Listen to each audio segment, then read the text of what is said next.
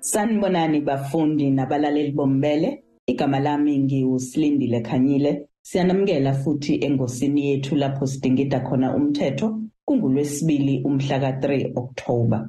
Namhlanje sisonga ingxoxo yethu ebiyiziqephu ezintathu lapho besichaza khona ngomthetho wokwaba ifa. Njengoba sasithembisile namhlanje sizogxila kakhulu ezindlekweni ezihambisana nokwaba ifa ikakhulukazi lezo ezithinta intela eqoqwe yi-South African Revenue Service usazi ngamafuphi. Njenganjalo ukhona ungoti wethu womthetho umnumzane umpumelelo zikalala wezikalala attorneys mnumzane zikalala siyakubingelela futhi siyakwamukela kumbele. Angikubingelele bese ngibela kakhulu abayela abahle nababukela abahle bombele mnumzane zikalala uma kukhulunywa ngezindleko zokwaba ifa siye sizwe kukhulunywa ngalezi okuthiwa phecelezi yi-estate duty. Wake wathi bhahla ngayo kancane esiqeshini sokuqala. Ngicela namhlanje ukuthi ukunaba ngaso uchazele umlaleli kabanzi ukuthi iyini estate duty. I-estate duty singayichaza njengentela elikhokha ekugcineni. Uzokhumbula ukuthi njengoba siphila sikhokha intela njalo ngonyaka la uhulumeni echecka khona ukuthi kungabe inzuzo yenzile kulo nyaka esiphuma kuwona engakanani bese ethi hayi ngicela ungiphi ingxenye. Mase kufika ekugcineni kumuntu impilo yakhe isiphelile kuyecalculate bese kuya-check ukuthi cha kungabe izinto nazo lezi esibiza ukuthi ama-assets zingakanani? Inani lazo liyadlula yini ngithi 1.8 million mangingaphazama if ikudlula ngaphezulu kwalapho ayisesicela ingxenye ze-estate duty kwenzela ukuthi sithathe kulezi zinto zakho sikwazi ukuthi sikwazi ukuthi sikhokhele intela mangabe ngingaphansi bese kuthiwa i-estate duty yakho iwu-zero yilena-ke ngeke ngithi kubalulekile uma sekuza nesibiza ukuthi estate planning ukuthi bese uhlala phansi uya-check ukuthi izinto enginazo ngabe zingakanani.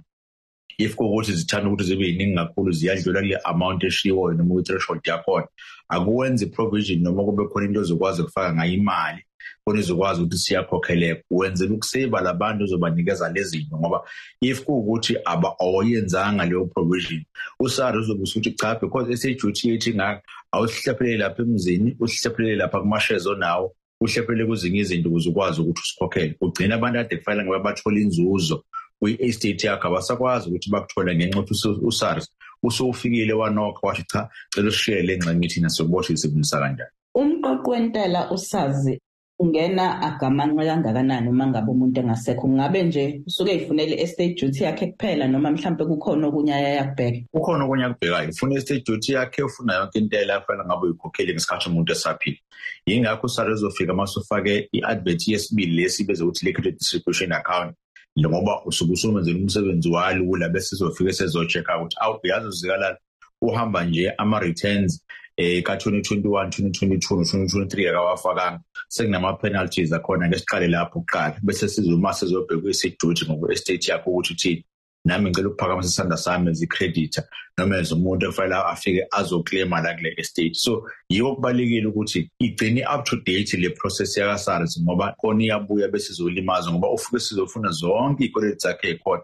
Including nale estate duty mangabe ukuthi ku-estate yakho noma ifa olishiyile lingaphezu kwe-threshold ayibekile mlaleli ukukukhumbuza nje sixoxa nomnumzane umpumelelo zikalala wezikalala attorneys kanti namhlanje sibheka udaba oluthinta izindleko ezihambisana nokwaba ifa. Mnumzane zikalala kungabe yilezo kuphela yini iy'ndleko kufanele uzihlinzekele ukwaba ifa? Futhi uma kuwukuthi ubungenazo izimpahla noma ama-asset ongakwazi ukuthi usazi abambe kuyona le ntela yakhe. Kukhona yini mhlambe kubantu abasuke besele noma iy'ndlalifa zakho okuyaye ukuthi lesi sikweletu bese siwela kubona? Akuzona zonke indlela le estate duty. Ake siqale la kuzophuma ama-advert awu-two kufanele ukuthi akakhokhela kuzophuma imali yalo muntu esibiza ukuthi executor whether kuthiwa umele umuntu omnominated uthatha u-three point five percent we-value ye-estate yakho. So uma ngabe ushiya umuzi ney'moto nama-shares nakonke okunye okhona i-value yakhona ize plus minus u-three million. three point five percent wa-three million ozobe usungeneze imali eze-remuneration umuntu ozobe-executor yakho. Nawo wonke amanye ama-cost associated ne-estate imali ekhokhelwa kamaster imali ezokhokhelwa even nasenkantolo ukuze i-estate yakho ihlale khona. So uyawubona ama-expenses ukuthi abheka kanjani agcine esibiza le mali ethanda ukuthi ibe inkulu kangaka. Uyakwazi ukwakhava uma ukuthi estate planning wenze kahle wabese wathi akube khona enye ipolisi ezoba khona ekwazi ukuthi ikhave wonke lama-processes ngesikhathi izinto zakho zihamba ziya phambili. Kuyenzeka ngesinye isikhathi enye i-estate kuzothiwa eyi akho ngisho wayileyo mali ukuthi sikwazi ukwenza lokho. Sike siyideclare-ke leyo estate ka-master as i-estate which is insolvent. Laso sithi khona asilivalele file master. Ngiyasakwazi ukuthi siqhubeke ngayo ngoba ayikho into esizokwazi ukuthi siyithole. Abakweleta asibatshene ukuthi sorry ngesikwazi ukuthi sinisize imali eshowo umuntu ongasekho emhlabeni sekufike ekugcineni kuyona. Ila declare khona-ke bese kuthiwa estate insolvent. Asisakwazi ukuthi siqhubeke maka kuwukuthi zonke lezi imali ebesikhuluma ngazo asikwazanga ukuthi zibe khona. Unfortunately before sifike lapho uqale kuqede wonke ama-estate alo muntu akade sedlulile emhlabeni. So uma ngabe ade shiya imoto washiya umuzi qale kudayiswe lokho kuqala. Uma sekudayisiwe kuyimali kuzosho kuthiwa sesizamile ukwenza ngayo yonke indlela sesiqedile kodwa still i-estate isakoleka abantu abasafarisha kakhulu yilezi iy'ngane zakho noma ama-beneficiary owashiyile ngoba akasenamuzi akasenamoto abasenalo ifa kodwa still iy'kweletu yisakhona all because i-estate planning azange ziyenziwe kahle. Mnumzane zikalala njenganjalo siyabonga kakhulu ngesikhathi sakho. Ngiyabonga kakhulu nibona usuku oluhle. Lowo bekungumnumzane umpumelelo zikalala wezikalala attorneys siyabonga.